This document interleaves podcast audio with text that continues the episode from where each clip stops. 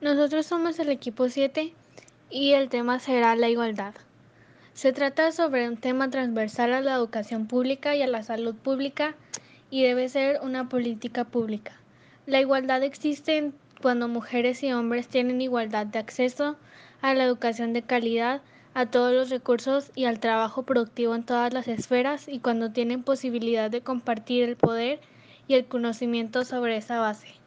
La igualdad de género se debe a, entender como una necesidad práctica y como requisito ético y preciso.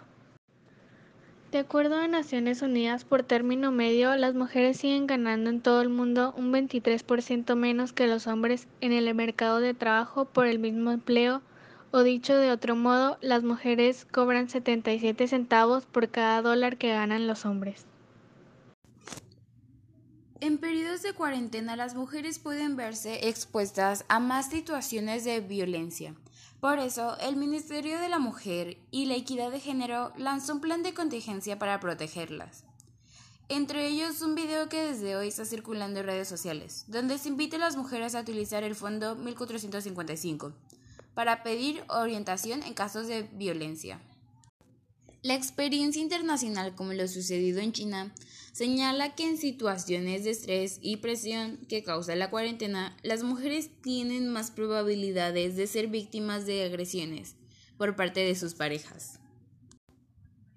México ocupa de los peores lugares de América Latina en equidad de género y oportunidades para los jóvenes. A pesar de las mejoras económicas y una mayor cobertura de programas sociales, América Latina sigue siendo la región más desigual del mundo. De acuerdo con el índice de equidad territorial realizado por el Centro Latinoamericano para el Desarrollo Rural, y en ese ranking México no sale bien parado. Es el más inequitativo de para las mujeres y tiene el mayor número de jóvenes que no estudian ni trabajan. México es incluso referente de las grandes brechas entre territorios y entre grupos que prevalecen en la región según el RIMISPE.